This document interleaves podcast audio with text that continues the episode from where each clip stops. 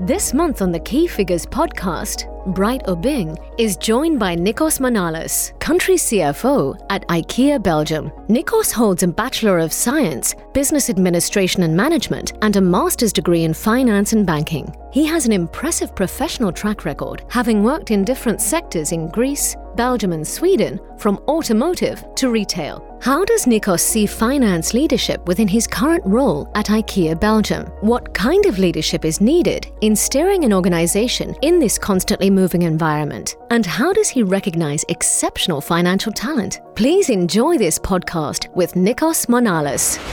Nikos, welcome to the Key Figures podcast. Thanks it, a lot, Bright. It's Thanks. a real honor, and I've been waiting for this moment for a long time, uh, for obvious reason. And I always start with the same question Who is Nikos? What's your story? First of all, thanks for the invitation. It's really a pleasure and an honor for me to be here today. Thank you. Uh, I'm coming from Greece. I'm Greek, mm-hmm. from Athens. Mm-hmm. Have uh, spent the majority of my time there, meaning I have studied, grew up there, and then made also my main part of my career, mm-hmm. first 18 years, let's say. Uh, worked in different type of sectors.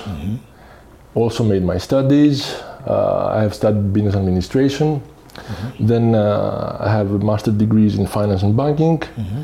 and worked in different sectors like uh, services, industry, automotive, retail in IKEA first time in Greece, mm-hmm. and in energy and shipping sector. That's impressive. That's very impressive. Um, can you give me a bit more information about your current scope within IKEA? Of course, being a CFO of IKEA Belgium, it, it really says a lot, but I always say that the content of the job is much more interesting than the C that precedes the F. So, um, can you give me a bit more input about your current role? True. Uh, the role in a CFO of IKEA is a bit diversified, mm-hmm. Meaning that uh, my current position holds uh, four main elements, four main departments, mm-hmm. which is uh, financial planning or business navigation, as we call it in IKEA, finance, tax, controlling and accounting, which is another one. Yes. Then business risk and compliance, mm-hmm. which is the third function, mm-hmm. and legal. And this okay. is the core part of my business, let's say. Sure. Simultaneously, there is a matrix approach of a real estate team that sits directly reporting to a cluster, but for the country itself, report the CFO you. of IKEA yes. Belgium, which is me. And this consists of uh, facility management, construction, and asset management, which are really crucial and important elements Absolutely. because, you know, in a company like IKEA with mm-hmm. so many big value assets, mm-hmm. you need to have this type of function. Sure, sure. Really makes sense. And actually, it's, it's great to have to talk to someone from IKEA because I have to confess, I am also a client for, for, for, for many, many years. And, and it's also interesting to see the machinery um, yeah. talking to you. We had a chat before this, the camera started rolling behind behind a brand like IKEA. The reason why I wanted to talk to you today is obviously to talk to you about finance leadership. I think the past 18 months has been very, very change oriented and how to navigate actually your finance function in that. Can you, how do you see finance leadership as such within your current role, but also as a person?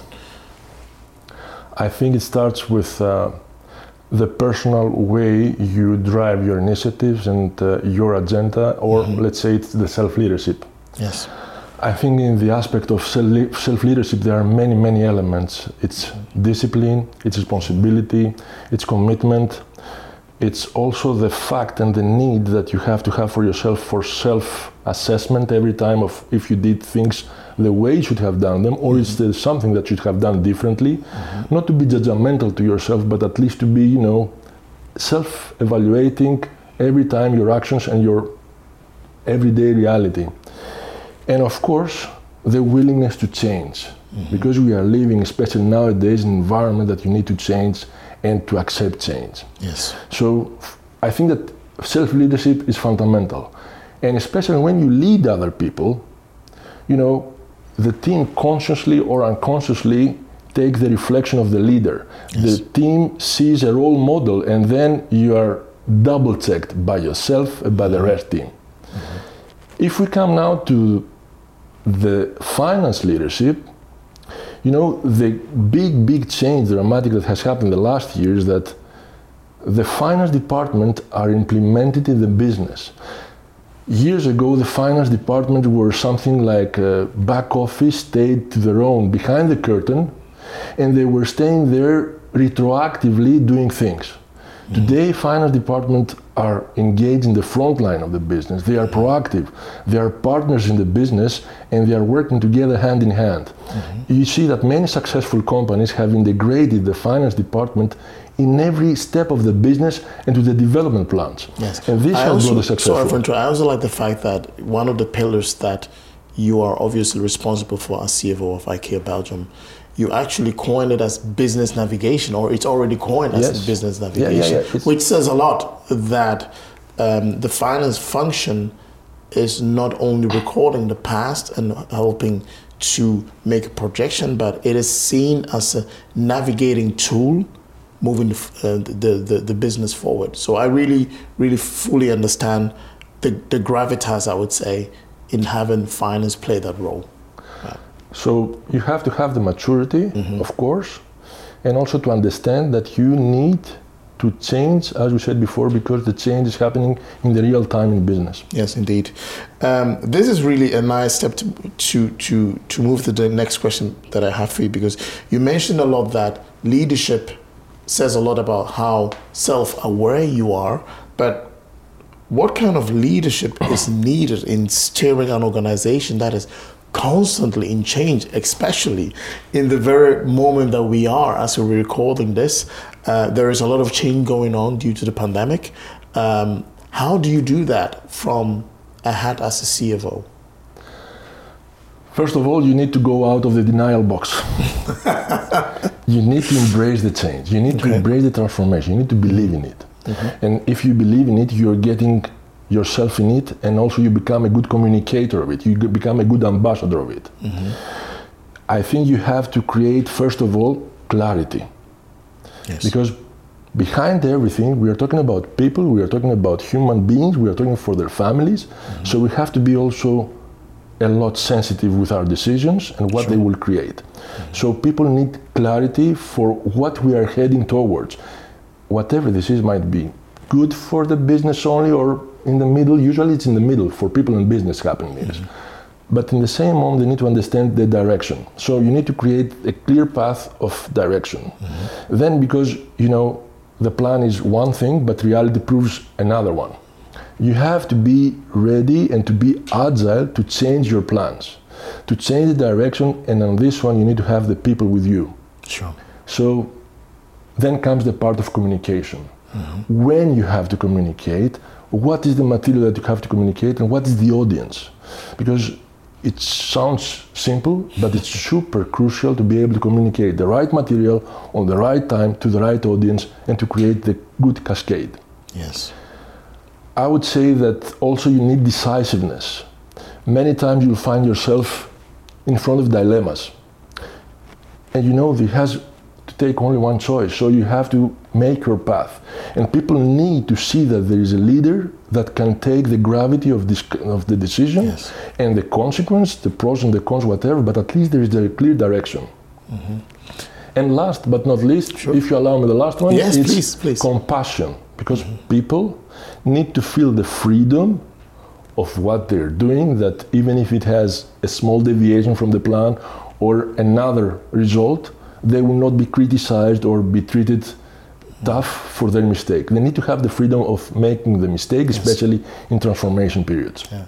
I, I like especially, uh, obviously, everything you just said, but for me, what I feel when I talk to other CFOs is that creating this safe space for people to make mistakes is also a great way to foster an environment where growth is possible.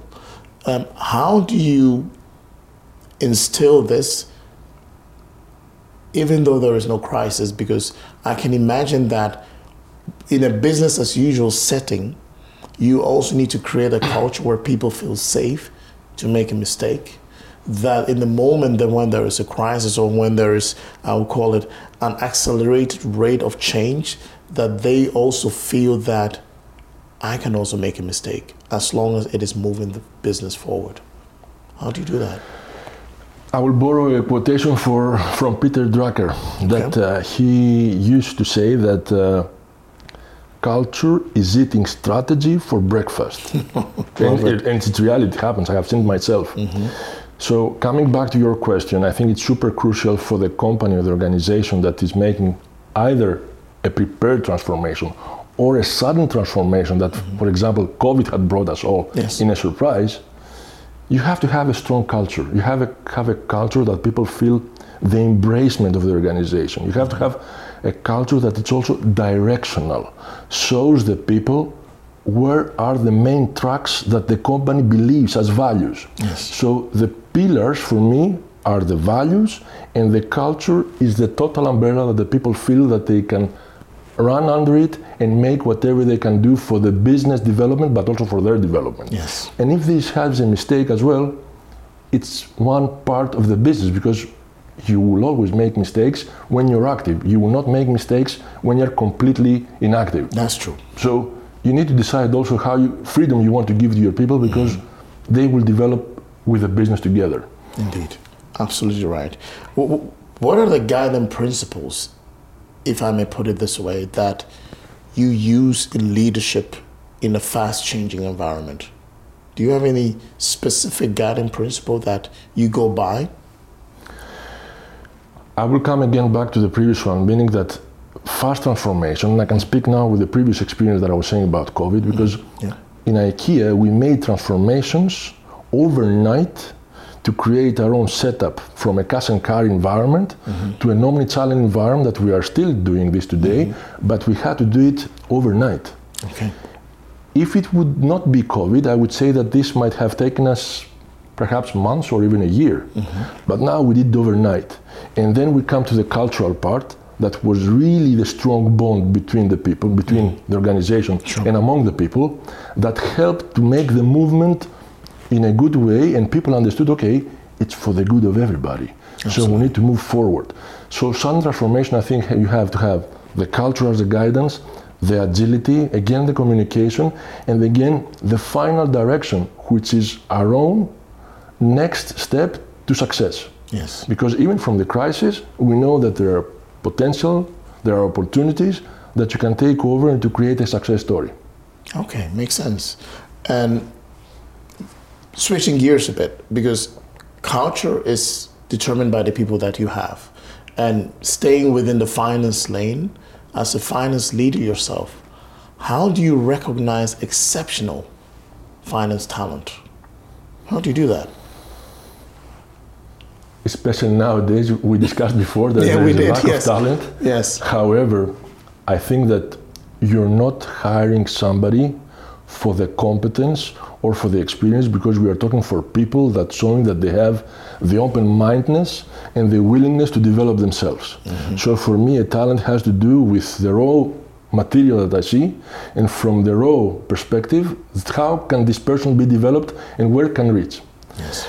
usually you understand the person that has the need to move further, the need to learn a lot, the need to go out of his scope and out of his bubble. Sure. Is not afraid of exposure, with the good meaning of the word, meaning that is not afraid to take the initiative, the responsibility to move things further, and also to be present, even in moments that you think that shouldn't be because the comp- job profile doesn't say this. But mm-hmm. you see that the person is there for you.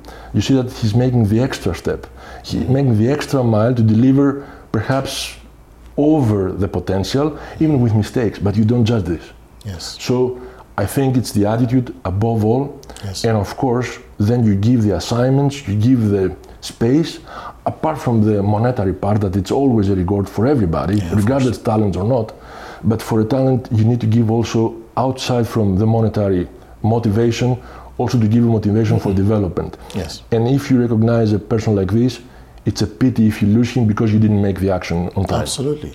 I always say, regardless of which chair that you take in, in, in, the board of a leadership team, that there are three R's that are very, very important.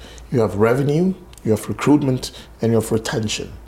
And, and you just describe very well what you, you would do to um, attract someone, I would say, by making sure there's a right culture and that you're looking really at their personality and their mindset. What do you do to retain them? You need to, first of all, you have identifying the talents. Mm-hmm. Then you need to give them good assignments. You need to give them that assignment that they will feel triggered and they will be really interested to jump in. And sometimes the miracle is that the person comes by itself and asking you this assignment, mm. meaning that you don't even have to wait sometimes. You are proactive, of course, you give the space for development, you give new bits and pieces that can create the interest. Mm-hmm. But it's really interesting when you see the talent that comes to you and say, oh, you know what, I would like perhaps to see this area. I would like to move myself outside from finance and to check a bit the logistics area or another area, the sales area in the company, sure. because it triggered me a lot. And of course, I think the responsibility of each manager is to help this person to show him the path. Yeah, to do the transition. Exactly, and to show the way and to say, okay, of course, I'm here mm-hmm. for you to help you. I believe in you, mm-hmm. and also I believe that if I develop you, I will be developed, the organization will be developed. Sure. So it's a win to win for all the stakeholders. Absolutely, absolutely. Which leaders have you learned the most from, and why? Mm. Interesting. Reflecting now back to my past, mm-hmm. I would say that I have uh, been uh, connected or I have been uh, working with many different type of leaders, different completely. And you know, it's like a funnel. Everything is dropping in, but under the funnel there is a strainer, yes. and it's filtering. So I don't think that I'm making this by myself uniquely. I mean, everybody's doing the same, of course, consciously or unconsciously, meaning that from the environment that you're operating and the leadership that you are receiving and the way that you are led, you are keeping the goods things that you think are good mm-hmm. or you rejecting some attitudes. Mm-hmm. And it's very, very subjective and personal what is good or what is bad or mm-hmm. wrong, let's say. You put the things according to your personal toolbox, your personal DNA, your personal professional uh, agenda, mm-hmm. how you are interpreting them. Mm-hmm. And if we say that we are applying leadership uh, with different ways, mm-hmm. it's also a fact that sometimes you need to take consideration that not everywhere is the same leadership applicable. Sure. So I would say that I have been affected by many people. Mm-hmm. I have made my personal journey. I'm very happy that many times I find myself in challenges and I was not able, for example, to apply the same leadership in Greece with the same leadership in Sweden. Mm-hmm. And I'm super happy now that I'm in Belgium. So mm-hmm. all these are creating a multi environment that many times you have to be adjustable. Yeah. It's too easy, I have to ask. Of course, there are these nice cultural differences. You making the move from Greece to, to Sweden and then to Belgium. What, what are the key differences that you've seen that have challenged you as a finance leader to navigate these cultural differences? You said very correctly. I moved from Greece, then I spent four years in Bulgaria, mm-hmm. which again was a cultural difference, even though imagine. the cultures are very close. Mm-hmm. Then in Sweden for another three years, and now in Belgium almost two years. So mm-hmm. every time you need to adjust yourself in the organization, but also to the country's culture. Yes. And these two links are interconnected mm-hmm. because the, cult, the com- company organization is a small picture of the country. Absolutely. So my learning from this is huge because first time I was trying to apply the same principles you know, from one box to the other, but I realized after a while it's not working. Yeah. Then third time I said, okay, it went better. And every time the journey is really, really interesting because uh, you need to swipe off some things that you knew and to put new in the agenda. Mm-hmm. And of course, this takes time, and the more experienced you are, the sooner you get in the role. Okay. So I think that uh, this is the magical part of having worked not only in different sectors that I have been to, but also in different cultures, because this makes you much more open-minded and it opens your brain broader. Yes. And of course, this has a good impact to your leadership, I believe. Absolutely, absolutely. Um, which bad decision, if I may call it, um, in your career are you happy you took? And why? I would say my bad decisions were really bad. so, so we have to start from this. That's fine. as a okay. fact, okay. But uh, But I'm sure some of them led No, to no. great things. I really, I really have one that uh, it- was really an internal challenge and balance, and uh, I will explain you why. yes, Uh, please. when I was working in Greece uh, as a CFO in a listed company, and you know the crisis uh, struck then. One of the things that you have to do as a CFO is start checking all the lines of the P&L to try to find efficiencies, and of course, you know very well that one of the main lines is the staff cost Absolutely. that everybody starts after a while focusing on and say, okay, yes, we did all the rest, but what about this? And of course, there was a pressure from uh, the board, the uh, main shareholders that they want to find efficiencies, but on top of that, some kind of staff reduction. Uh, I would say that uh, this was a really tough exercise because then you need to go on a personal level, and it's not very nice. And we were not such a huge organization from the po- uh, population level, but we were huge on a level of turnover. It took me a couple of sleepless nights, uh, nights, I have to say, and I came with a proposal to the rest management team. And uh, the proposal was what if we reduce in all the levels of uh, the company the salary frames and to make some adjustments in order to see if this can work and can break even the dismissals that were on the table. Sure. I think that uh, all of us agree that it's worth the effort and to try to convince the board and the shareholders. So when I was uh, presenting this, I was feeling that okay, internally I feel very proud with myself because Yes. it's the right choice. But if you ask me if this is the right moment for my career, I would say definitely no. Yeah. But uh, I think went very good because also we present with figures, with facts, not only we know with nice ideas. And at the end of the day, they realized that it will have also another good effect. And the good effect was that, that after a while, people really, really understood that uh, there is a, a togetherness, there is a movement that we are making as a company. All together, nobody's out and he's out of the board, let's say, out of the train. We keep everybody on board it. We continue to do our tasks. And even with less, we try to stay together and to survive. Wow, that's very impressive. It really says a lot about your moral compass and how you are, I would say, looking at decision taking and the general goal that exceeds P&L, but also, in a way, social corporate social responsibility. But this this with real impact, with real impact to people. Thanks for sharing that. You're welcome. Um, I like reading books if I can. Which three books should every finance leader read? You know, this is uh, very, very subjective. I, I can say what Of I have, uh, what I've read from myself, and uh, I like them. Uh, I enjoyed reading them, and I have come back again and again in some of them. Sure. Top of mind, uh, I would say The Art of War by Sun Tzu, Wow. who is uh, the Chinese general that Yes. was living the ancient times. Yes.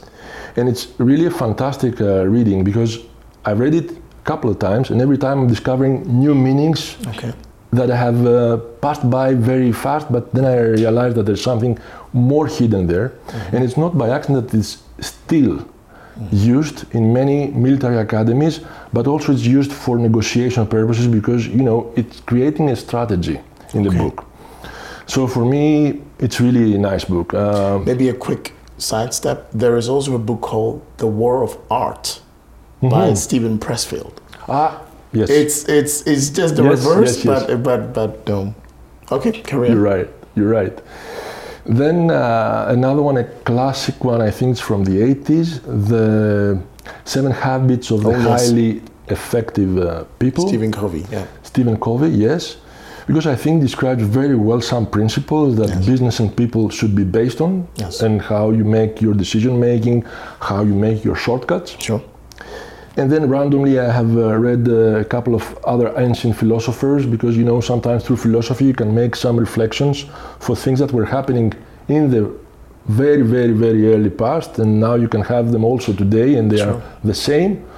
Uh, I've read some uh, philosophers like Greek, like Plutarch. I've read Mm-hmm. also some of uh, the Middle Ages philosopher Niccolo Machiavelli with the Prince, etc. That are Yes. also giving you some things that you say, okay, this cannot be applicable, but you see there that many of the aspects that they describe are also applicable today, with the bad or the good meaning of it. You just triggered my thinking because I need to read more philosophy. No, no, it's That's really clear. interesting because Thank you, see much. that there are some elements there that have application in today's environment. Mm-hmm. The technology is changing everything, but the human behavior is still the same. is still the same. Great, great. It's a strange question to ask, but I would like to ask you anyway. What legacy would you like to leave behind at IKEA as a finance leader? You know, uh, I think that every one of us is unique. Right? Let's start Sure. from this. Uh, that's a given fact. Uh, everybody is using some main pillars or main tracks that he's uh, having as a character, as a person, and as a professional. For me, it's really important to have uh, a leadership based on transparency, based on trust, on togetherness, and also on meritocracy, because I believe that we have to give the right opportunity to the people that deserve it, really deserve it, and to have a good evaluation of the environment and the people that we're working with. Now, coming to the personal legacy, if I speak for myself, I would say that I have been uh, late years, something like 10 years ago, been inspired a lot by IKEA's, let's say, mission. Because in IKEA, we have uh, a mission to create an everyday better life for the many people. Great. And I was thinking, how can I adjust this on a personal level, on a Sure, personal agenda? So I would really like to create an everyday better life for the people that are working with, an every better day environment from the part that they are able to develop themselves, but also to develop the business, because I think that this goes hand in hand. People that are getting further, they make the extra for them, they develop, they can also develop the business. Sure. So I would like my people to perceive me as a person that making the best to promote this agenda. Excellent. Nikos, it's been um, an insightful conversation with you. Very thankful for your time and uh, absolutely looking forward to a new chat with you. Thank you so much. Thanks a lot, Brian. Thank you.